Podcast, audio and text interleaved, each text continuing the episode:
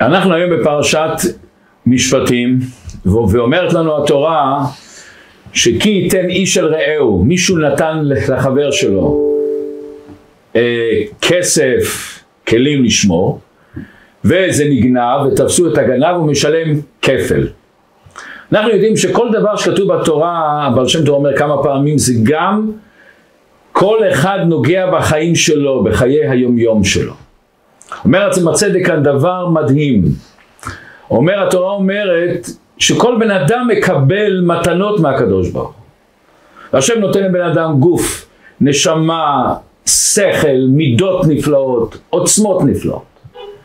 ויש לנו לפעמים, בא, בא בתוכנו גנב קטן, שהוא גונב מאיתנו את הכוחות הנפלאים האלה. הוא מכניס אותנו לכעסים, לקנאה, לתאוות, לדיפרסיה, לכל מיני דברים שונים ומשונים. והוא רוצה לגנוב, לגנוב מאיתנו את הכוחות הנפלאים שהשם נותן לנו. ואז יש אנשים שמתמודדים עם זה, ויש בדרך כלל שני דרכים. דרך אחת, אני לוחם עם אותו הנפש הבהמית הזה, עם אותה התאוות, ההתמכרויות למיניהם, שרוצים להוריד אותי, להשפיל אותי. אבל מה קורה? לפעמים בן אדם לוחם לוחם והוא רואה שהמלחמה לא נגמרת. ואז חס ושלום הוא נכנע. הוא אומר לגנב הזה, תגנוב אותי, תעשה מה שאתה רוצה, אני רוצה ממך שקט. ואני נותן לו לשלוט עליי, אני כבר לא שולט על עצמי. יש עוד אנשים שהוא לא רק שהוא נותן לגנב לעשות מה שהוא רוצה, מכיוון שהוא לא הצליח להשתלט עליו, הוא נכנס ל... לדיפרסיה, לייאוש, חלילה וחס למחשבות שליליות נוראות על עצמו, והוא נופל ארצה. אומרת התורה מה הדרך הנכונה. אומרת התורה לא זה נכון ולא זה נכון. אתה צריך להביט בעיניים של הגנב ולדעת שכל הגנב הזה וכל הדברים האלה שהוא רוצה לגנוב ממך הם בעצם באים להרים אותך. אתה צריך לשים אותו במסגרת הנכונה, בהבנה הנכונה, בתפיסה הנכונה, שכל הדברים האלה בעצם באים להרים אותך. ואם אתה מתמודד איתו, ואם אתה מסתכל לו בעיניים ואתה לא נכנע לו, וגם אם לפעמים אתה נופל, אבל לפעמים אתה מצליח, תסתכל על הזמנים הטובים שהצלחת, ומזה תקבל כפל. ברגע שאתה תופס את הגנב, מזהה אותו, לוחם איתו, אז אתה מקבל כפל. זה אומרת התורה, כי ימצא הגנב, הוא משלם כפל. וכמו שאנחנו מכירים את הגמרא המפורסמת, זדונות נהפכים לזכויות. אנחנו מוצאים הרבה אנשים שהתמודדו עם, ה, עם החולשות שלהם, שלא רק שהם לא נפלו, הם צמחו מזה. עצם הכישלון הזה עצם הנפילה הזאת, זה בעצם בא להרים אותך ליותר נעלה. יש לנו תמיד, אנחנו, יש כזה ביטוי שאומרים אצל חסידים, תהיה דבורה ואל תהיה זבוב. מה זאת אומרת? דבורה, אם היא באה למקום מדבר, היא תמיד תחפש את הפרח הבודד הזה ולהוציא ממנו את המתיקות, את הסוכר. זבוב, גם אם הוא יבוא לגן עדן, יבוא למקום נפלא של, של צמחים ופרחים נפלאים, הוא תמיד יחפש את הזבל ושם הוא יהיה. תחפש את המתיקות. תחפש בתוך הגנבות שהגנב הזה לגנוב לך, מה אתה יכול לגדול מזה. אבל בואו נראה השבוע מי הגנבים האלה. מאוד חשוב לבן אדם לזהות את הגנב. ואז אני יודע ממי להיזהר, איפה הוא מתחבא הגנב הזה. אז אומרת לנו התורה, בפרשת השבוע, פרשת משפטים, כי יפתח איש בור. אז יש אחד מהמזיקים זה בור. יש אחד כי תצא אש, בן אדם מדליק אש. ויש את המשנה המפורסמת בהתחלת בבא קמא, שהמשנה אומרת ארבעה אבות נזיקים, יש ארבעה אבות נזיקים, שהם השור, הבור, המבעה וההווה. ואנחנו היום נראה מי זה הארבעה אבות נזיקים האלה, מכיוון שבעצם כל אחד זה לא רק הפיזי השור או הבור, לכל אחד בנפש שלו יש את אותם ארבע מזיקים. וכאן יש דבר מעניין, למה, התורה, למה המשנה אומרת ארבע נזיקים? כאשר אתה צריך לתפוס לא את המזיק רק, את הניזק, תראה איפה הוא פוגע בך. באיזה תחום הוא פוגע לך. איך אתה מזהה אותו? אתה מזהה אותו על ידי הפגיעות שהוא פוגע בך. אז אתה צריך לחשוב על הנזקים שהוא גורם לך. הוא יכול להרוס לך את המשפחה, להרוס לך את הקשר האיש עם האישה, האישה עם האיש. להרוס את הקשר עם החברים שלך, להרוס את הקשר בעבודה שלך. יכול הארבע המזיקים האלה להרוס לך את כל החיים. למה קיבלנו אותם? קיבלנו אותם לגדול. כמו שסוס ושור אני יכול להשתמש איתם עליי, בתנאי שאני שם, עלה, שם עליהם את האוכף או את העול ואני שולט עליו ואז לא רק שהוא לא מזיק לי אלא הוא מרים אותי. אני שם אותו במסגרת הנכונה. אז בואו נראה את הארבע סוגים וכל אחד מאיתנו יחשוב האם אני מוצא את הארבע סוגים של המזיקים, את הארבע הנזקים שהוא עושה לי, ובאיזה תחום הוא עוד יותר לכאורה מזיק לי. אז אומר הבעל שם טוב, וכך במגיד, ובהרבה ספרים זה מובא בשם בעל התניא. מה זה הארבע המזיקים האלה מבחינה פסיכולוגית? מבחינה נפשית, מבחינה שזה שייך לנו לכל החיי היומיום. אז בואו נראה אחד אחד. הדבר הראשון זה השור. אומר הבעל שם טוב, אומר אדמו"ר הזקן, מה זה שור? מלשון אשורנו. אשורנו אנחנו זוכרים, כתוב בתורה, זה לשון ראייה, אני רואה אותו. זה החוש הראייה. ואומר הבעל שם טוב, זה הראייה מזיק לבני אדם. אז בפשטות מה זה ראייה? שאני מסתכל על דברים שליליים. אבל הדבר הראשון, הוא מדבר על עצם המושג של ראייה. הוא אומר זה הראייה מזיק לבני אדם, לא דווקא ראייה שלילית. מה יש בראייה? לכאורה ראייה זה דבר עצום. עד כדי כך שהגמרא אומרת שעיוור נחשב חלילה כמו מת בכלל. יש לנו שני חושים עיקריים, ראובן ושמעון, ראובן זה על שם ראייה, שמעון זה על שם שמיעה. זה שתי החושים הכי דומיננטיים אצלנו. מה ההבדל ביניהם? מוסבר בחסידות שראייה אני תמיד רואה דבר גשמי. אני לא יכול לראות דבר אלוקי. חוץ כמו שדיברנו בשיעורים הקודמים בקריאת הים סוף, ראתה שפחה על שפת הים, אז היה גילוי אלוקות. אבל בדרך כלל תמיד ראייה זה רק ראייה גשמית. שמיעה זה מסמל שמיעה רוחנית. מה שאני לא יכול לראות בעיניים, אני יכול לשמוע, אני יכול לשמוע דבר תורה, דבר חוכמה, אני יכול לקלוט דברים רוחניים. לפי זה מסבירים שכתוב שבני ישראל במעמד הר סיני היו רואים את הנשמע ושומעים את הנראה. מה הפירוש פה? למה היה צריך לעשות את הניסים האלה? מה המסר שלהם? אז מה שכתוב, רואים את הנשמע. אמרנו שראייה זה גשמית, ושמיעה אני שומע דברים רוחניים, אני שומע את השיעור, אני שומע ניגון, אני שומע תפילה נלהבת. זה מזיז אותי בנפש, זה מדליק אותי בנפש. בני ישראל במעמד הר סיני הם ראו בגשמיות את הדבר שאתה שומע, את הרוחניות. הם ראו את האלוקות. כמו שאמרנו, ראתה שפחה על שפת הים שבני ישראל במעמד הר סיני הם ראו את האלוקות. ראו בגשמיות את הדבר האלוקי, את הדבר הרוחני. מצד שני, שמעו את הנראה. מה זה נראה? זה הגשמיות. שמיעה זה מלשון ריחוק.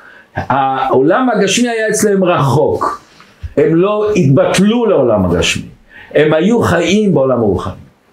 אז הראייה עצמו, שזה השור אראנו, זה מה שמסביר הבעל שם טוב, שאיך אתה רואה את עצמך?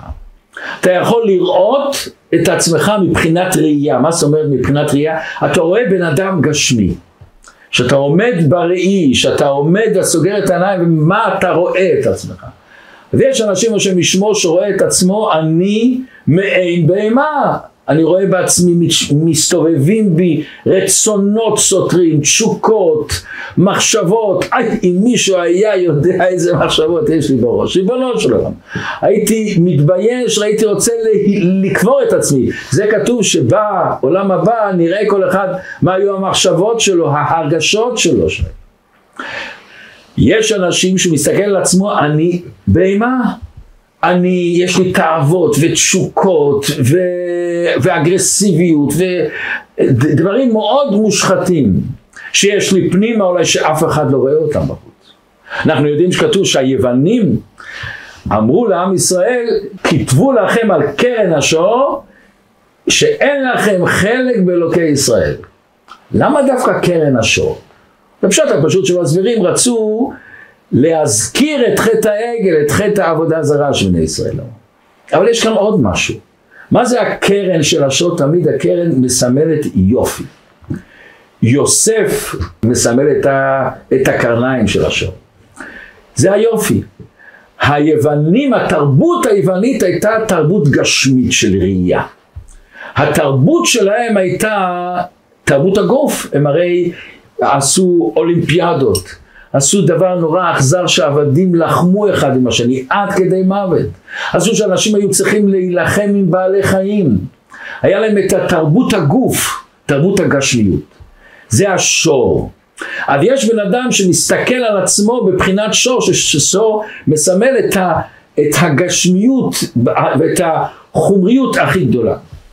והרבה אנשים אומרים, זה אני, מה אני יכול לעשות? לפעמים אנחנו אומרים לבן אדם בוא לשיעור תורה, בוא לעשות איזה חסד, בוא... אני, מה אתה רוצה? אני מגושם, אני גשמי, אני לא שייך לדברים כאלה. אין לי את הדברים האלה. זה בכלל לא במציאות שלי בכלל. אני לא אשקר לעצמי. אם יש לי תשוקות שליליות, אני מתחיל לחשוב שזה אני. אני אגואיסטי. זה המהות שלי, יש לי אינסטינקטים. ואומר הזוהר הקדוש, תוקפא דגופא חולשא דנשמטא. כמה שאתה מרגיש שהעיקר שלך זה הגשמיות, הנשמה שלך יורדת. הנשמה שלך מתקטנת, היא נהיית יותר קטנה. וזה הטרגדיה הגדולה היום בזמננו, שגם אנשים שיש להם בעיות נפשיות אומרים, זה אני, זה הטיפול שלי. יש מספרים שפעם מישהו שם מאוד אגרסיבי, אגרסיבי, והוא הלך לפסיכולוג, הפסיכולוג אה, דיבר איתו שעות שעות, ואחרי זה הוא בא הביתה, וזרק את הכיסא, למה לא עושים ש... היית על טיפול? כן, כן, הייתי בטיפול, והוא הסביר לי שזה אני, זה אני, והסיפור נגמר. יופי. אנחנו יודעים שיש ארבעה יסודות. בספר התניא, פרק ראשון, הוא מסביר את הדבר הנפלא הזה. שלכל בן אדם יש ארבעה יסודות בנפש. יש לו את ה- היסוד של רוח.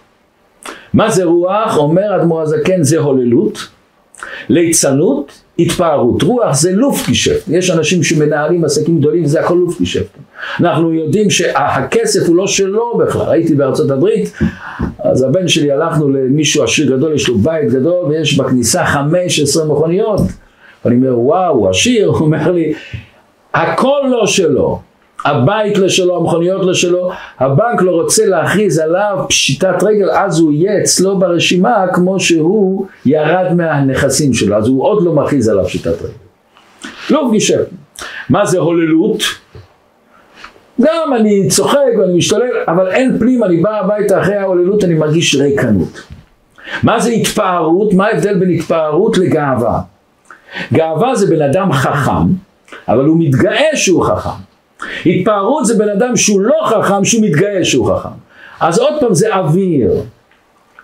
השור זה בחינת הרוח בארבע, היסודות האלה. זה אתה חי בעולם הגשמי, אתה, אתה, אתה חי בעולם הגשמי ששלמה המלך אמר הבל הבלים, ואתה חי בעולם הפיזי, בתרבות של הגוף, שאתה יודע שעוד כמה זמן לא יהיה לך מזה שום דבר. עוד כמה זמן פתאום הרבה אנשים שמתבגרים פתאום רואים אין לי ערך, ועוד מעט נשמע סיפור נפלא על אחד מהמיליארדרים בעולם, מה שהוא אמר לפני הפטירה שלו. אבל עוד מעט נראה את זה. זה הארבעה היסודות, אז השור זה כנגד רוח. הרב אומר בשם הארי הקדוש דבר מזעזע. ארבעה אבות נזיקים יש להם שורש בארבעה אותיות של י' כ'. מה העומק של דברי האריזל שהוא אומר את זה? הוא רוצה להגיד שהשם יצר את הארבעה האבות הנזיקים האלה, בעצם במהות שלהם הם י' כ' ו'. במהות שלהם, בפוטנציאל הרז שבתוכם, הסוד שבתוכם הוא קדושה. והעבודה שלי לקחת את אותו האבות הנזיקים להרים אותם לקדושה. אותו השור הזה, אותו הרוח הזה, אני יכול דבר נפלא להעלות אותו לקדושה. מתי? ברגע שאני קולט את ההבל הבלים. ברגע שאני קולט שאני לא יכול להשתחוות לדבר גשמי, אני יכול להשתמש בדבר הגשמי. אני לא עושה עבודה זרה מהכסף, מהבית, מהמכונית. אתם בוודאי שמעתם שלפני כמה זמן מישהו באמריקה הלך לקנות לעצמו קבר. וכשהוא קונה את הקבר הוא אומר אני רוצה שמונה קברים, למה? אני רוצה שיקבעו אותי עם המכונית. יש אנשים שמישהו נותן להם שריטה קטנה במכונית, השם ישמור, אנשים לפעמים הרגו בן אדם בשביל השריטה הזאת. למה? הוא עושה מהעולם הגשמי עבודה זרה. אנחנו, ברגע שאני תופס את זה, קולט את זה, וואו, איזה עוצמה יש לי. ברגע שאני רואה את עצמי, שכל העולם הגשמי זה רק לזכח את העולם הגשמי, להשתמש איתו להתעלות. בואו אני אספר לכם סיפור שמישהו לפני כמה זמן סיפר לי, סיפור מרגש מאוד, מאוד מרגש.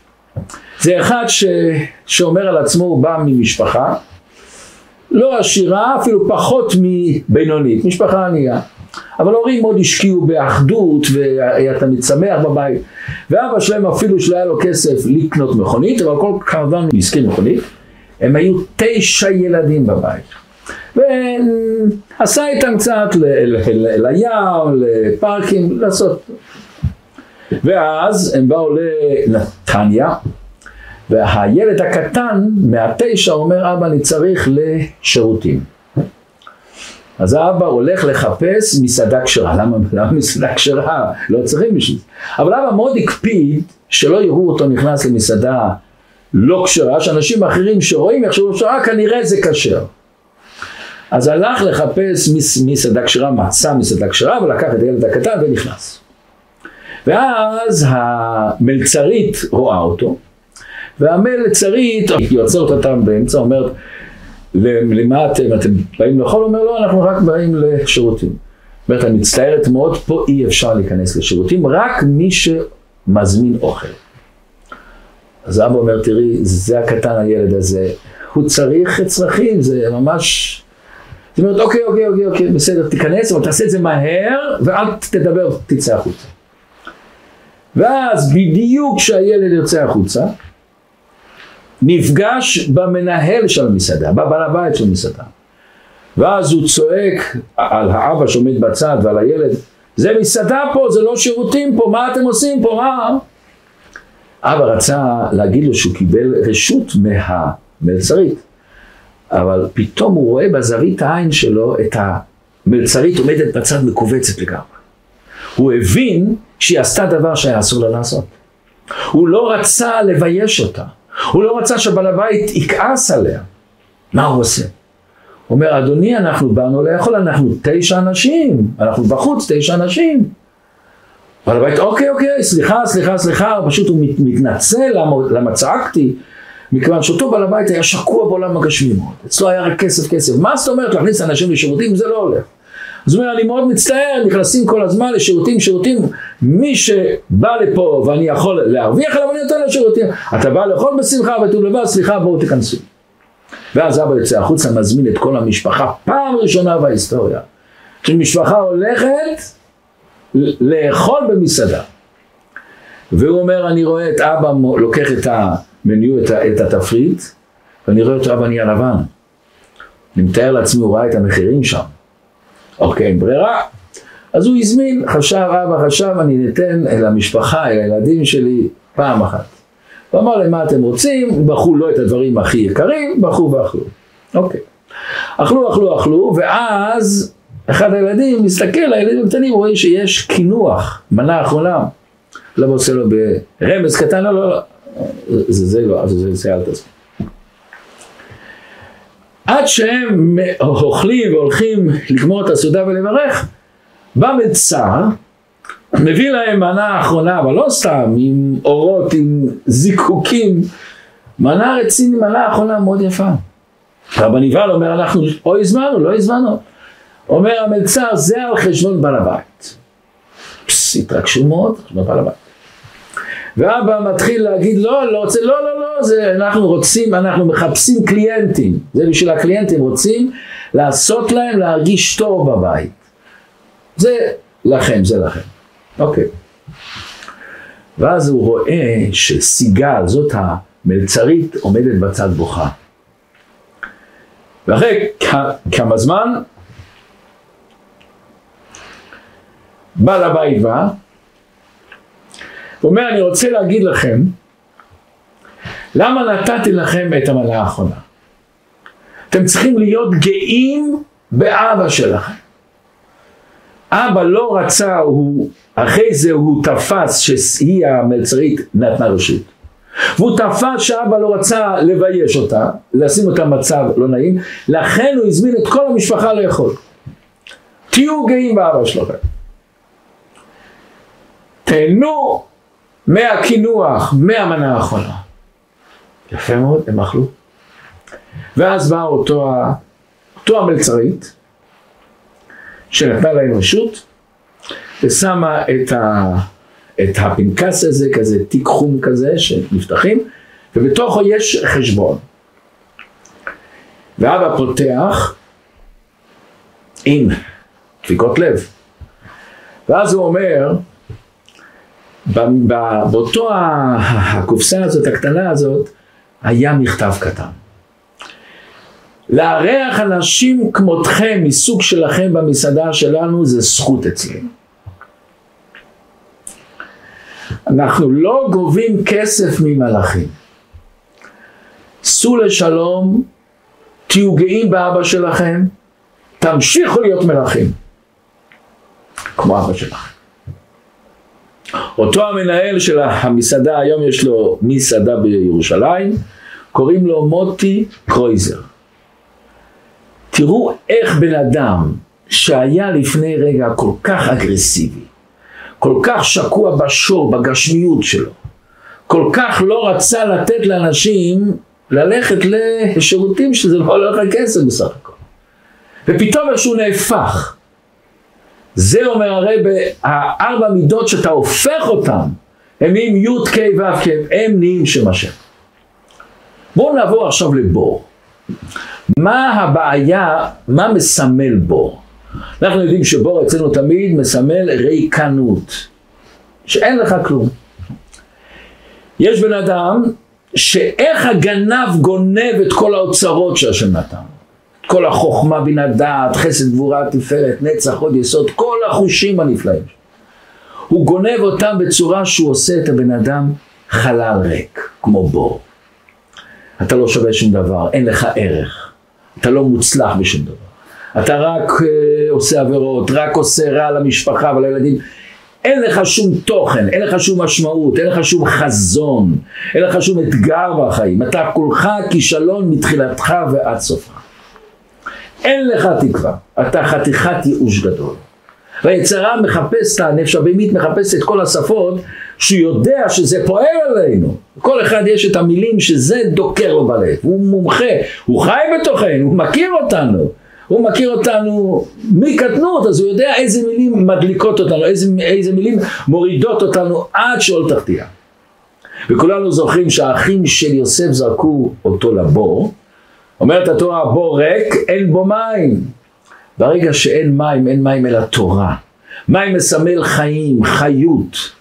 חסד, מים זה חסד, לתת, להעניק. ברגע שאין לך בבור מים, אז מה אומרת המדרש, הגמרא? נחשים ועקרבים יש לו. נחש, הארס שלו הוא חם. הקרב, הארץ שלו קר. אז אם יש לך ריקנות, נכנס לך נחש חום לדברים שליליים, וקור של הקרב לדברים חיוביים, לקדושה, לחסד, למצוות, לאהבת ישראל. ברגע שאתה מרגיש בור, אתה מרגיש ריקנות. לכן, על פי ההלכה, בור צריך להיות עשרה טפחים. למה עשרה טפחים? כנגד עשר קורות אתה לא מרגיש שיש לך שום כוח, אתה מרגיש ריק לגמרי. אבל מה אתה צריך לעשות? אתה אדם. יש הלכה מעניינת מאוד, איך שכתוב בתורה, ונפל שם שור או חמור. אומרת הגמרא, שור ולא אדם. למה אדם לא? אומר מאיר שמחה, משך חוכמה. שור אין לו דעת, אז אם שור הולך ונופל, אוקיי, אז מי אשם? זה שעשה את הבור. עשית מקום שיכול להיות מכשול, במכשול אז אתה אשם. בן אדם יש לך עיניים. בן אדם יש לך כוח להשתלט על, ה, על הבור שבותך, על הריקנות. אז אם אתה, יש לך בור, אתה אחראי על הבור הזה, הבור לא אחראי על מעשיך, אתה נוצר הבור הזה בגלל שתגדל אותו, תהפוך את הבור הזה לי"ק ו"ק. אז הבור תמיד מרגיש ריקנות, הבור תמיד מחפש מישהו אחר שיבוא וייכנס לבור להוציא אותו מן הבור. הבור הוא תמיד אומר לי אין כוח, נולדתי ככה, במשפחה כזאת, בחינוך כזה, סבלתי את זה, עברתי את זה. יש לו מאה אלף תירוצים למה הוא ריק, ריק לגמרי. אבל אנחנו יודעים אם אין אני לי מי לי. כולם יכולים לעזור לך, אבל אתה צריך להושיט את היד. אם אתה לא מושיט את היד אם אין אני לי, מי לי, אף אחד לא יכול לעזור לך.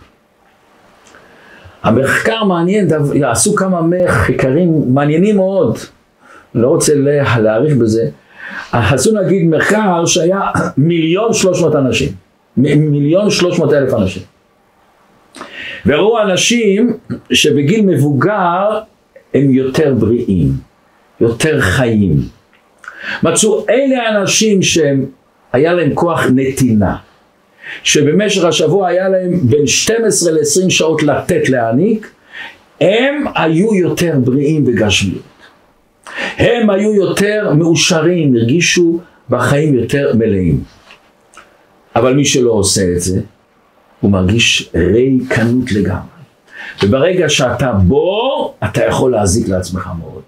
וזה השני בארבע נזיקים. מה זה הבור הזה בארבע יסודות עפר? אנחנו דיברנו בהתחלה על רוח, שזה השור, מה זה עפר? אומר בלתניא, זה עצלות ועצבות. עפר הוא כבד, עפר הוא לא זז, זה עצלות וכבדות. אנשי הבור האלה הם עצלים, כבדים, למה? הוא מרגיש ריק לגמרי. הוא מרגיש שאין לו כלום בעצמו. אבל מה המטרה של הריקנות הזאת? מה אני עושה שאני מרגיש בחיים שלי ריקנות בחיים? אומר הקדוש ברוך הוא בור, מצד אחד זה טרגדיה, ומצד אחד בור איזה פוטנציאל עצום זה. בבור אתה יכול למלא אותו, להכניס בו מים, להכניס בו יהלומים, להכניס בו זר, להכניס דברים טובים. כשבן אדם מרגיש ריקנות, הוא יכול לגדול מזה, לצמוח מזה, לפרוח מזה. איך? הפוך, הרגש הזה שאתה מרגיש ריקנות, זה יגרום לך ליצור דברים חדשים. היו פעם אצלנו לפני שנים שתי בחורים ישראלים והם השקיעו המון המון ללכת להר השני הכי גבוה בעולם. אספו כסף, עשו אימונים, סיפור ארוך. ואז הם באו לפה והם אומרים לי, על, עלינו למעלה, שמו את הדגל של ישראל, פס, תמונות, משהו משהו. אבל אחרי איזה עשרים דקות הרגשנו כזאת ריקנות. ארבע שנים הלכו לנו לאיבוד על מה על כמה תמונות. ארבע שנים, מה יש לי מזה? מה קיבלתי מזה חוץ מזה של להראות לכל המשפחה, אני הייתי שם. וזה גרם להם לנסוע לברינואה ולחזור בתשובה. זה העניין של בו. עכשיו בואו נראה על המזיק השלישי.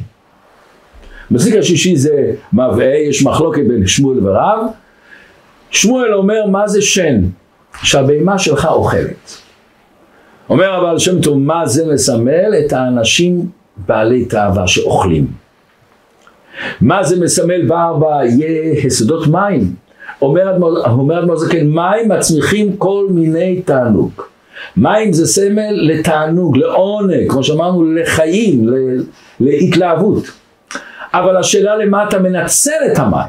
אתה יכול לנצל את המים לתאוות אינסופיות, לאכול, למכוניות, אפילו השם ישמור לסמים או לדברים אחרים בכלל. ואתה יכול לאבד את כל האישיות שלך, את כל המשפחה שלך בגלל זה. למה? שבסך הכל אתה רוצה את התענוג הנפלא הזה. ואז אתה מאבד את הראש ואתה נבלע בתוך התענוג הזה.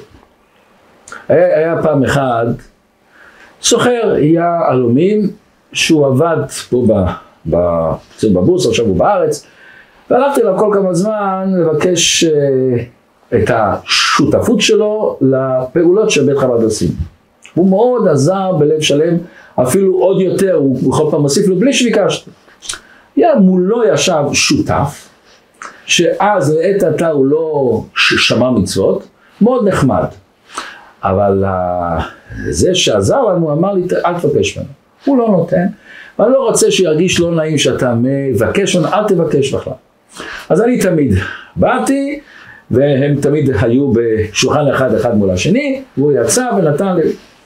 פעם אחת אני בא, והשני, השותף השני, שהוא אמר לי לא לבקש, הוא אומר לי, למה אתה לא מבקש ממני? הרגשת לא נעים. עכשיו, לא רציתי להגיד שהוא אמר לי, לא רציתי. אז אמרתי לו, אה, אני אראה את האמת, אותך אני לא מכיר כל כך, לא היה, לא היה נעים לי, זה בעיה שלי, לא היה נעים לי לבקש לך. תבקש. מה אתם עושים? התחלנו לספר, ואז הוא נתן לנו אפילו יותר ממה שהשם. ואז פעם אחת הוא מספר לי, אני בחיים שלי לא ידעתי מה זה לתת. מה זה להעניק? מה זאת אומרת לתת? אני עבדתי על הכסף, ואני השקעתי את הכסף, זה שלי, בשביל זה אני בלילה אני יושן לפעמים. למה אני צריך לתת את זה? פתאום אני שם לב שהשותף שלי נותן. וכל פעם שהוא נותן, האור מהפנים שלו, התענוג הזה. אני, גם כשאני אוכל במסעדות הכי טובות, או שאני נוסע לחופשות הכי טובות, אין לי את העונג הפנימי הזה. אני נוסע לחופשות, אומר, אני משתזף, אבל מה מאחורי זה? הנאה זמנית כזאת. או, אני מרגיש, כל כך נהנה, כל כך נהנה. ולפעמים אני שומע, אומר למזכירה, אז איפה הרב? הוא לא בא, תתקשרי אליו, מה שלמה? החלטתי לנסות את זה. ושינית לי את כל החיים. הוא נסע אחרי זה לסין של העסקים שלו, ומשם הוא מתקשר, אל תשכח אותי, אל תשכח אותי, אל תשכח אותי. פתאום הוא תפס שאותו הבור הרים אותו. אותו המים, אותו התשוקה להתענג. יש לי, יש אנשים שהתכונה של מים אצלם היא החזקה. השאלה למה אתה מנצל את זה, אתה רוצה להתענג מדברים גשמיים, או שאתה רוצה להתענג מתפילה חסידית, מחסד, ממה אתה חי, ממה אתה שקוע בזה. ובואו נעבור עכשיו למזיק הרביעי. מזיק הרביעי זה אש. אומר אדמו"ר הזקן, מה זה אש? אש זה כעס וגאווה. אש תמיד עולה למעלה, אש תמיד שורף. אם אני שם אש בקצה של השולחן, הוא לא יכול להישאר במקום שלו. הוא צריך לשרוף את כל מה שהוא יכול לשרוף, וברגע שאין לו את מה לשרוף, אין לו מציאות, המציאות שלו נגמרת. הפוך ממים, שמים יורדים לאדמה ומצמיחים את האדמה. אש זה כעס וגאווה. שבדרך כלל כעס וגאווה, ממה זה נובע? מרגש נחיתות של הבן אדם. הוא מרגיש לא טוב עם עצמו.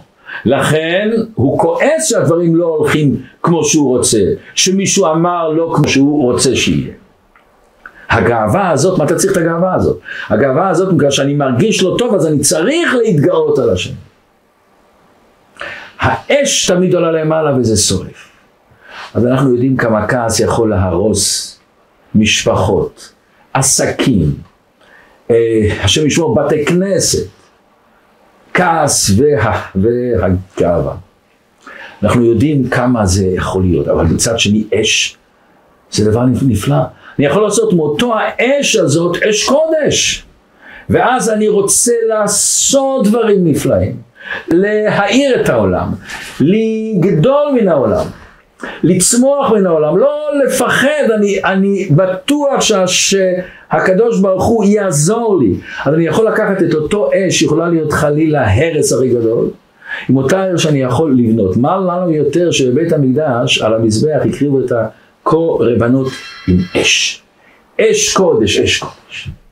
אני רוצה לגמור בסיפור.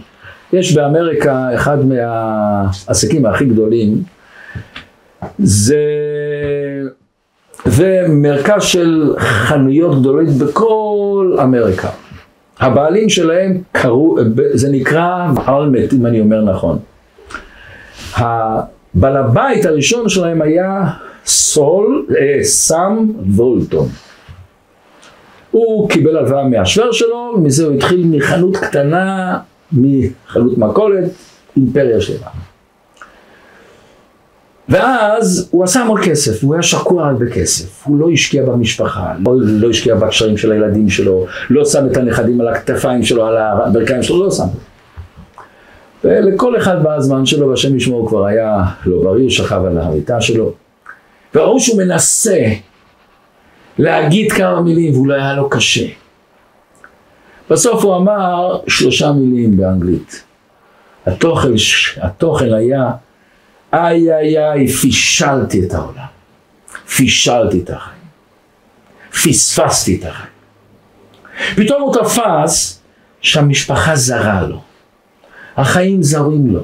הוא השאיר חנויות, השאיר חשבונות בנק מפוצצים, אבל הוא מרגיש החיים באמת, להשאיר משהו בחיים, להשאיר משפחה, להשאיר חסד, להשאיר עזרה לאנשים, להשאיר תורה לאנשים, להשאיר מסרים שנותנים השראה לאנשים, זה הוא לא נתן. שהשם ייתן לנו את הכוח לקחת את הארבע אבות נזיקים האלה, להשתמש איתם לקדושה, ומי ירצה השם בביאת משיח כולנו נזכה לראות בעיני בשר איך שכל הארבעה אבות נזיקים האלה צמחו מאוד ונהיו י' כ' ו' כ'.